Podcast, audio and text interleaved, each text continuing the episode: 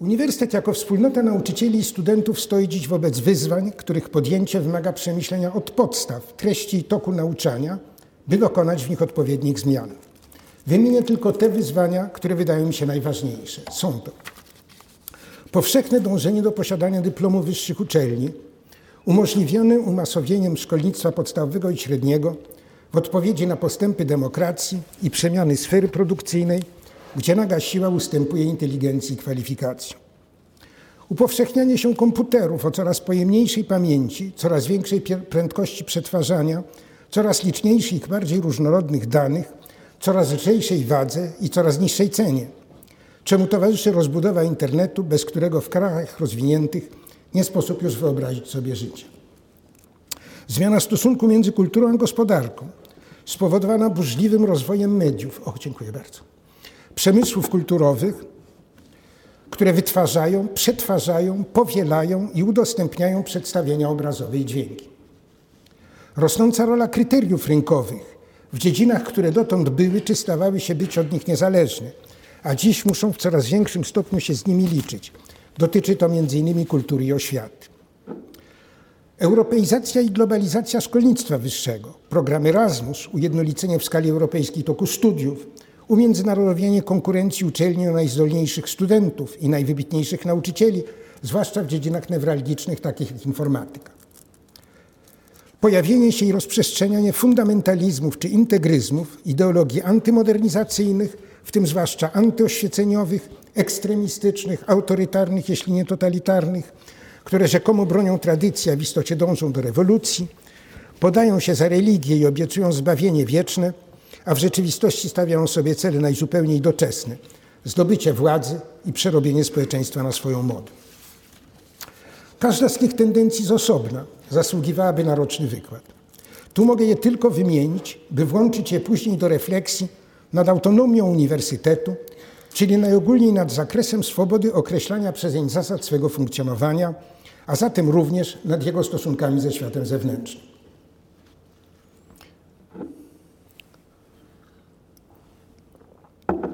Swej ponad tysiącletniej historii uniwersytet był już w sytuacji podobnej do tej, w jakiej jest dziś. Działo się tak w stuleciach XVII-XVIII, gdy musiał się on dostosować do postępującej z różną prędkością w różnych krajach modernizacji społeczeństw europejskich, ich sił zbrojnych, administracji, gospodarki, obyczajów, szkolnictwa, kultury i wiedzy. Jej przejawem szczególnym, ale z punktu widzenia uniwersytetu najważniejszym, była ta kaskada innowacji, którą zwykło się określać umownie mianem rewolucji naukowej. Wprowadziła ona niewyobrażalne dawniej zabiegi poznawcze. Badanie przyrody obserwa aparaturą obserwacyjną i pomiarową, a dziejów ludzkich za pośrednictwem krytycznie traktowanych źródeł. I radykalnie odnowiła samo rozumienie wiedzy, wynosząc na szczyt tę, która daje się sformułować w języku matematyki. Co prawda już w XV wieku nowe wymagania postawił uniwersytetowi humanizm, gdy rozpalił zainteresowanie starożytnością klasyczną i biblijną z ich językami, łaciną, greką i hebrajskim, a zarazem wprowadził nowe wzorce wychowawcze i nowe metody nauczania.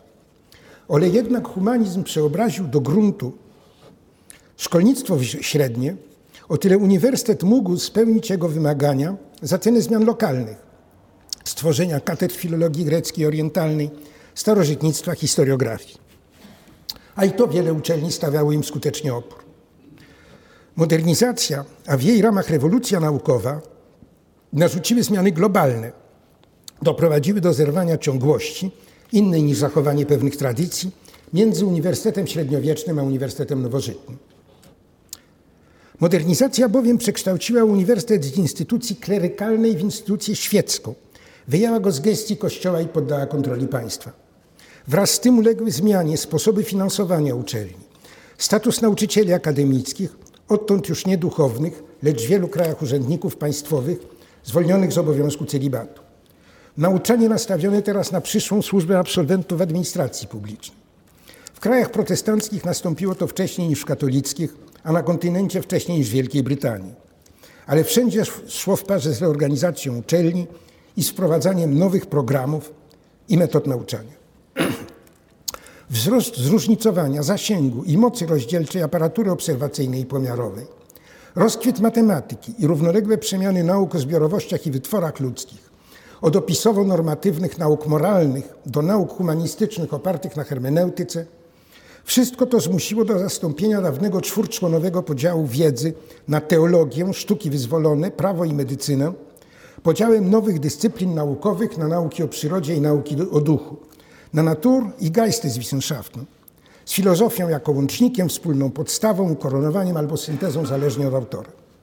Użycie terminów niemieckich jest w tym przypadku najzupełniej uzasadnione, albowiem wzór Uniwersytetu Nowożytnego urzeczywistnił się po raz pierwszy, jak wszyscy wiemy, w Uniwersytecie Berlińskim zaprojektowanym przez Wilhelma von Humboldta, choć miał on już przedtem przybliżone, przybliżone realiz realizacje gdzie indziej, zwłaszcza w Getyndze. Ten wzór uniwersytetu, co trzeba przypomnieć, zakładał studenta, studenta wykształconego przez gimnazjum klasyczne. Wytwór reform pedagogicznych XVI wieku inspirowanych humanizmem. Samo słowo gimnazjum odsyła do tradycji protestanckiej, do programu nauczania szturma. W krajach katolickich mówiono raczej o kolegium, którego naj, któremu najnowocześniejszą postać nadali jezuici. Różnice wyznaniowe nie wykluczały podobieństw. I tu i tam w zakresie przedmiotów świeckich nauk padał, nacisk padał przepraszam, na naukę łaciny i na przyswojenie sobie przez ucznia najważniejszych pomników piśmiennictwa łacińskiego oraz historii starożytnej, gdzie niegdzie dochodziła do tego greka. Przywiązywano też wagę do matematyki. W XVIII wieku gimnazja i kolegia zaczną się otwierać na języki potoczne i w każdym kraju na historię ojczystą oraz na nową naukę Galileusza, Kartezjusza i Newtona. Wszystko to wyglądało inaczej w każdym kraju, ale wszędzie, nawet na obszarze protestanckim, gdzie umiejętność czytania i pisania była znacznie bardziej rozpowszechniona niż wśród katolików, gimnazja i kolegia były instytucjami elitarnymi, a uniwersytet miał do czynienia z elitą elity. Jego rolą było zapewnienie regularnego dopływu nowych pokoleń do górnej warstwy elit wiedzy i w coraz większym stopniu elit władzy. Kształcenie tych, którzy mieli uczyć innych i tych, którzy mieli innym przewodzić. Elity bogactwa długo nie szukały wykształcenia uniwersyteckiego ani nawet gimnazjalnego. Przedsiębiorczości i kierowania przedsiębiorstwem uczono się w praktyce. Program Humboldta, pochodny wobec założeń hermeneutyki, wyrastał z przekonania, że zrozumieć dzieła umysłu ludzkiego, twory ducha, to tyle, co umieć odtworzyć je myślowo w sobie. By móc uczyć rozumienia, nauczyciel musi rozumieć to, czego uczy. Musi przeto, choćby w skromnej mierze, być współtwórcą przekazywanej przez siebie wiedzy, a nie tylko kimś, kto, kto, kto sam przyswoił ją sobie w postaci gotowej. Wedle Humboldta wiedza jak język to nie ergon, ale energeia. Innymi słowy, nauczyciel akademicki musi być zarazem uczonym. Nauczanie uniwersyteckie winno być nieodłączne od pracy badawczej, a opanowywanie wiedzy od wzbogacania jej początkowo na poziomie wstępnym, później stopniowo coraz wyższym. Miejscem, gdzie ten ideał realizuje się w całej pełni, jest zatem nie tyle wielka aula ze zgromadzonymi tam słuchaczami, ile sala seminaryjna czy laboratorium z małą grupą studentów, którzy starają się razem z nauczycielem rozwiązywać problemy badawcze i przyswajają sobie przeto wiedzę w trybie współtworzenia jej. Łatwo zauważyć, że tego rodzaju nauczanie możliwe jest tylko w uniwersytecie elitarnym. Stawia ono bowiem bardzo wysokie wymagania zarówno nauczycielom, jak studentom, którzy muszą być niezbyt liczni, by każdy mógł uczestniczyć aktywnie w seminariach lub pracować w laboratorium. Tak zaprojektowany uniwersytet dysponuje z założenia znaczną autonomią w nawiązaniu do wielowiekowej tradycji, która ulega wszelako istotnym przeobrażeniom. Uniwersytet dawnego ustroju, jak każda korporacja, był ciałem autonomicznym. Wybierał swe władze i sam rozstrzygał swe problemy. Tak dalece, że żacy byli zazwyczaj wyjęci spod jurysdykcji miejskiej, karać ich miał prawo, miały prawo tylko władze uczelni. Zarazem jednak Uniwersytet dawnego ustroju nie miał żadnej autonomii w zakresie nauczanych przedmiotów i głoszonych poglądów. Sto lat walczono, by uczynić z dzieła Arystotelesa podstawę nauczania. Znacznie dłużej by jej tej roli pozbawić. Wszystkich potępień i zakazów, jakie spadły na aweroistów, okramistów, astrologów, a później na rzeczników nowej filozofii i nowej nauki wyliczyć to nie sposób. Inaczej zresztą być nie mogło w społeczeństwie, które nie znało swobody szumienia i swobody słowa. Pracownicy nowożytnego uniwersytetu i jego studenci poddani są prawu powszechnemu, choć dawne obyczaje umierały długo.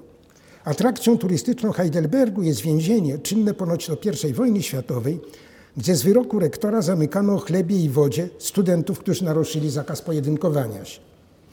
Było to już tylko kuriozum, albowiem obok wybieralności władz uczelni na wszystkich szczeblach, zarządzania przez nie jej majątkiem, rozstrzygania jej wewnętrznych problemów, stanowienia i egzekwowania zasad ważnych na jej terenie, nadawania stopni i tytułów, zasadniczą treścią autonomii nowożytnego uniwersytetu jest prawo decydowania o kierunku prowadzonych badań i wolność głoszenia poglądów uznanych za naukowo uzasadnione, nawet gdy przeczą, jak wyniki krytyki biblijnej stanowisku kościołów, czy podważają, jak krytyka historyczna, mity i legendy rzekomo korzystne dla narodu bądź dla państwa.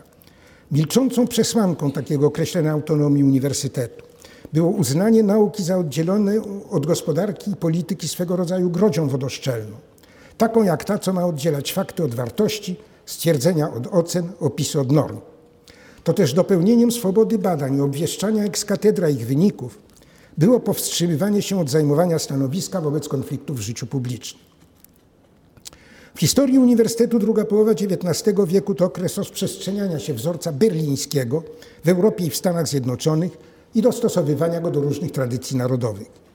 To zarazem okres triumfu podejścia statystycznego w badaniu przyrody i stosowania go w rosnącej mierze do zbiorowości ludzkich, co zmieniło oblicze fizyki i biologii i doprowadziło do ukształtowania się nauk społecznych, socjologii, demografii, ekonomii, historii gospodarczej.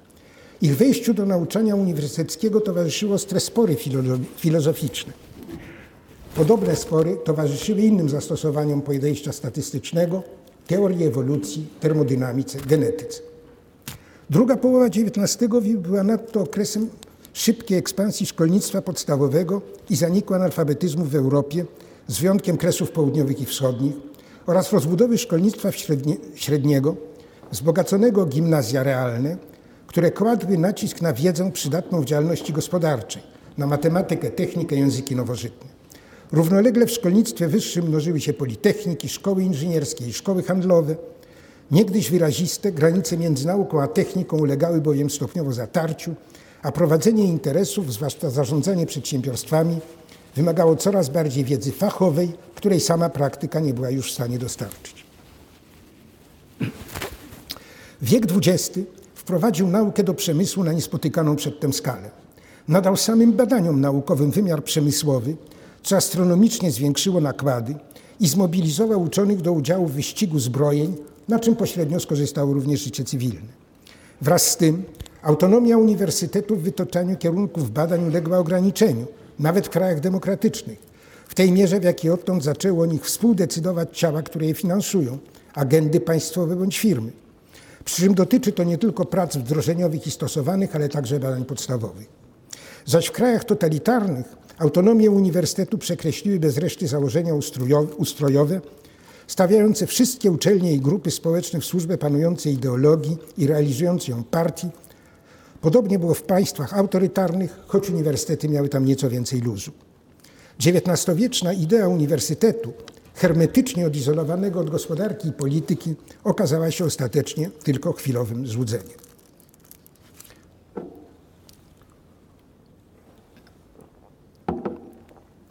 Uniwersytet Nowożytny, realizujący gorzej lub lepiej program Humboldta, przegrał ze zmianami do ostatnich dziesięcioleci XX wieku. Reprezentuje go nadal kilkadziesiąt bogatych lub hojnie finansowanych ultraselekcyjnych, a zatem wysoce elitarnych uczelni w Europie i w Stanach Zjednoczonych. Są to jednak wyjątki. Regułą jest dziś uniwersytet masowy, zdolny odpowiedzieć na powszechne dążenie do posiadania dyplomu szkoły wyższej. Ma to bardzo daleko idące skutki.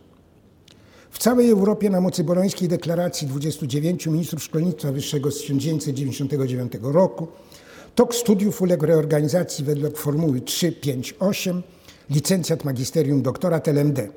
Są to rzeczy obecnie doskonale znane. Przypomnę jednak, że ta reorganizacja ma umożliwić przepływ studentów między uczelniami różnych krajów, a zarazem dostosować nauczanie lepiej niż dotąd do potrzeb rynku pracy. Studia licencjackie mają przygotować do zawodu. Magisterskie mają przygotowanie to pogłębić, pozwalając wybranym przejść na piętro doktoranckie, które ma zasilać górne warstwy elit wiedzy, nauczycieli akademickich, pracowników naukowych i badawczych, praktyków najnowszych technologii, kierowników gospodarki. Czy jednak Uniwersytet Nowożytny nastawiony na kształcenie niewielkiego, grona staran, niewielkiego starannie dobranego grona studentów, jest w stanie przystosować się do umasowienia bez rezygnacji na poziomie studiów licencjackich, a może nawet magisterskich, ze swych dwóch podstawowych wymogów łączenia przez nauczycieli dydaktyki z pracą badawczą i przyswajania sobie przez studentów wiedzy w małych grupach w trybie współtworzenia jej. Oficjalna odpowiedź wyklucza taką ewentualność. Wolno jednak mieć mniej optymistyczne zdanie na ten temat. Wydaje się bowiem, że to, co dawniej charakteryzowało uniwersytet jako całość, przejmują teraz studia doktoranckie z liczbą uczestników, która zbliża się do liczby ogółu studentów kilkadziesiąt lat temu. W niektórych krajach już nawet jej dorównuje. Jak widać, program Humboldta nie, znaczy, nie traci, przepraszam, bez reszty swego znaczenia. Lub, ale zakres jego stosowalności ulega znacznemu ograniczeniu lub też przesunięciu, jak to woli. Czym ma być autonomia nowego masowego uniwersytetu? I czy w ogóle ma on prawo pretendować do jakiejś autonomii innej niż ta, jaka przysługuje każdemu przedsiębiorstwu? Pytanie może się zdawać bluźniercze. Wszystkie dokumenty europejskie, Magna Charta Uniwersytetu, deklaracje z Sorbony, deklaracja bolońska powtarzają jak zaklęcia słowa wolność i autonomia, a ostatnia z wymienionych podkreśla, cytuję, że niezależność i autonomia uniwersytetów zapewniają systemom szkolnictwa wyższego i badań zdolność stałego dostosowywania się do zmiennych potrzeb, do oczekiwań społecznych i do postępów wiedzy naukowej. Koniec cytatu. Biurokratyczny tryb narzucania wyższym uczelniom formuły NLD, LMD każe wątpić o zgodności tej wzniosłej retoryki z realiami. Bądźmy jednak wyrozumiali dla ministrów i dla administracji. W XIX wieku wprowadzanie na uniwersytety modelu berlińskiego też odbywało się pod naciskiem władz, nawet w takim kraju jak Anglia. Załóżmy zatem, że chodzi teraz tylko o stworzenie jednolitych europejskich ram prawnych, w których obrębie uniwersytety zachowują swoją autonomię. W jakim zakresie? Nikt nie neguje chyba autonomii rozumianej tradycyjnie jako samorząd poszczególnych uczelni w ramach powszechnie obowiązujących przepisów. Czy jednak ma ona ograniczać się tylko do tego? Pytanie to otrzymuje różne, by nie powiedzieć sprzeczne odpowiedzi. Przedmiotem sporu są w szczególności cztery sprawy. Kryteria rekrutacji studentów, decydowanie o personelu nauczycielskim, o jego składzie osobowym, stanowiskach, awansach, określanie treści i toku nauczania, wytyczanie kierunków badań naukowych. I tu wracamy do wymienionych na wstępie tendencji charakterystycznych dla współczesnego świata. Każda z nich bowiem, z wyjątkiem upowszechniania się komputerów, stanowi zagrożenie dla szeroko pojmowanej autonomii uniwersytetu i w tym sensie wyzwanie, któremu musi on umieć sprostać. Autonomia uniwersytetu zawsze wymagała obrony. Dziś wymaga jej chyba bardziej niż kiedykolwiek, gdyż podważana jest z wielu stron. Przez presję rynku z jego wymogiem rentowności i dostosowania się bez reszty do właściwych mu norm. Przez presję mediów, które usiłują narzucić swą hierarchię ważności problemów i osób. Przez polityków uprawnionych do uchwalania ustaw i decydowania o finansach, czyli o możliwych badaniach i nierzadko skłonnych widzieć w nominacjach uniwersyteckich jeszcze jeden środek poszerzania swych wpływów i mnożenia klientów. Przez integryzmy wreszcie, które domagają się podporządkowania programów badawczych ustanawianym przez siebie kryterium, a treści nauczania wyznawanym przez siebie wierzeniom. Zwycięstwo którejkolwiek z tych sił oznaczałoby śmierć uniwersytetu w tej, w tej jego postaci, jaka ukształtowała się dwa wieki temu i nadal w swym zasadniczym zrębie zachowuje aktualność. To też uniwersytet musi stawiać opór każdej z nich osobna i wszystkim razem. Choć musi to robić na bardzo różne sposoby. Z rynkiem trzeba zawierać kompromisy. Każda uczelnia jest przecież również, acz nie tylko, przedsiębiorstwem w stanie konkurencji z innymi. Jeden z jej produktów, absolwenci, musi znaleźć miejsce na rynku pracy, dla którego przemian, do którego przemian trzeba się zatem stale dostosowywać. Inny produkt, wyniki badań, może stać i często staje się towarem. W tym sensie, czy to się nam podoba, czy nie, uniwersytet jest obecny na rynku, ale działa na nim tym bardziej skutecznie im mocniej jest osadzony w sferze pozarynkowej. Z mediami uniwersytet winien negocjować, przy czym nie jest tak, by był wobec nich z góry na skazanej pozycji. Choć media karmią się głównie sensacją i rozrywką, potrzebują jednak ekspertów zdolnych tłumaczyć wydarzenia i informacje o odkryciach i wynalazkach, zwłaszcza gdy mają one charakter spektakularny. Potrzebują też zasobów bibliotek i ikonotek, ikonotek gromadzonych niekiedy od stuleci. A tym wszystkim dysponuje uniwersytet, co daje mu w stosunku do mediów pewną siłę. Wobec polityków uczelnie winny występować jako solidarna grupa nacisku na rzecz odpowiadających potrzebom Uniwersytetu Regulacji Prawnych i przeznaczenia na jego cele odpowiednich środków. Uniwersytet winien zarazem uniemożliwiać wtargnięcie do jego życia wewnętrznego polityki partyjnej. Są miejsca, gdzie społeczeństwo uzewnętrznia swe podziały i konflikty, by rozstrzygać je pokojowo, przekazując tymczasowo władzę kolejnej większości. I są takie, gdy występuje ono jako jedność. Należy do nich właśnie uniwersytet. Jego dziedziną nie jest polityka, jest nią wiedza, która rządzi się własnymi prawami. To banał, ale trzeba go stale przypominać w obliczu dążeń do upolitycznienia uniwersytetu, czego destrukcyjne skutki ukazuje bogate w tej materii doświadczenie XX wieku. To też tym dążeniom trzeba się zdecydowanie przeciw, sprzeciwiać. Z równą stanowczością trzeba zwalczać wszelkie próby wprowadzenia na uniwersytet jawnie lub potajemnie kryteriów, które chcą narzucić integryzmy religijno-ideologiczne, gdyż ich zwycięstwo cofnęłoby nas do czasów totalitarnego zniewolenia. Tyle, że nie pod znakiem antyreligijnych ideologii, jak faszyzm, narodowy socjalizm czy komunizm, ale pod znakiem zideologizowanej religii, której przykładów nie musimy niestety daleko szukać. Obrona badań i nauczania przed uleganiem fluktuacji rynku i medialnym modom, zakusom polityki i polityków, naciskom integrystów wszelkich obediencji, to dziś zasadnicza treść autonomii uniwersytetu, która nie może przeto być sprawą samych tylko rektorów i dziekanów. Musi angażować całą społeczność uniwersytecką. Musi też angażować opinię publiczną, albowiem nie jest działaniem w wąsko pojętym interesie korporacyjnym. Ma na względzie dobro ogółu. Autonomia uniwersytetu jest potrzebna wszystkim. Stanowi bowiem jeden z kamieni węgielnych demokracji, jak oddzielenie Kościoła od państwa, religii od polityki, jak niezależność władzy sądowniczej od wykonawczej, jak podstawowe swobody obywatelskie, wolność słowa i wolność sumienia, prawo do zrzeszania się zgromadzeń, strajków oraz prawo do stanowienia o przyszłych losach zbiorowości lokalnej czy całego kraju w trybie wolnych wyborów poprzedzonych walką na argumenty o zdobycie większości głosów między partiami, z których każda prezentuje obywatelom swój program na przyszłość. Te konieczne warunki funkcjonowania demokracji są dziś kwestionowane również u nas jako atrybuty rzekomo przestarzałej demokracji liberalnej. Ale takiej właśnie demokracji trzeba bronić, albowiem demokracja nieliberalna, jak demokracja narodowa, ludowa czy socjalistyczna, to kontradikcja i nadziekto. Przymiotnik przeczytu rzeczownikowi wyzuwa go z treści, czyni pustym dźwiękiem. Autonomia uniwersytetu jest potrzebna wszystkim również dlatego, że tylko ona pozwala mu uniknąć zatopienia w teraźniejszości i skupić się na przygotowywaniu przyszłości, co jest jego właściwym powołaniem. Mówi się często o bezinteresownym dążeniu do wiedzy, które winno charakteryzować uniwersyteckie badania naukowe i nauczanie. Jest to stwierdzenie innymi słowy tego, że nasze cele jako badaczy i nauczycieli wykraczają poza dzień dzisiejszy, a bywa, że poza jutro czy nawet pojutrze, że mieszczą się w otwartym czasie następujących po sobie innowacji, których nikt nie jest w stanie przewidzieć. Tylko o tyle, o ile umiał się wpisać w taki otwarty i twórczy czas, Uniwersytet jako wspólnota nauczycieli i studentów mógłby w ciągu 200 minionych lat, choć kataklizmów przecież nie brakowało, przyczynić się w znacznym stopniu do postępów wiedzy i do ogólnego polepszenia jakości życia ogromnych rzesz ludzkich.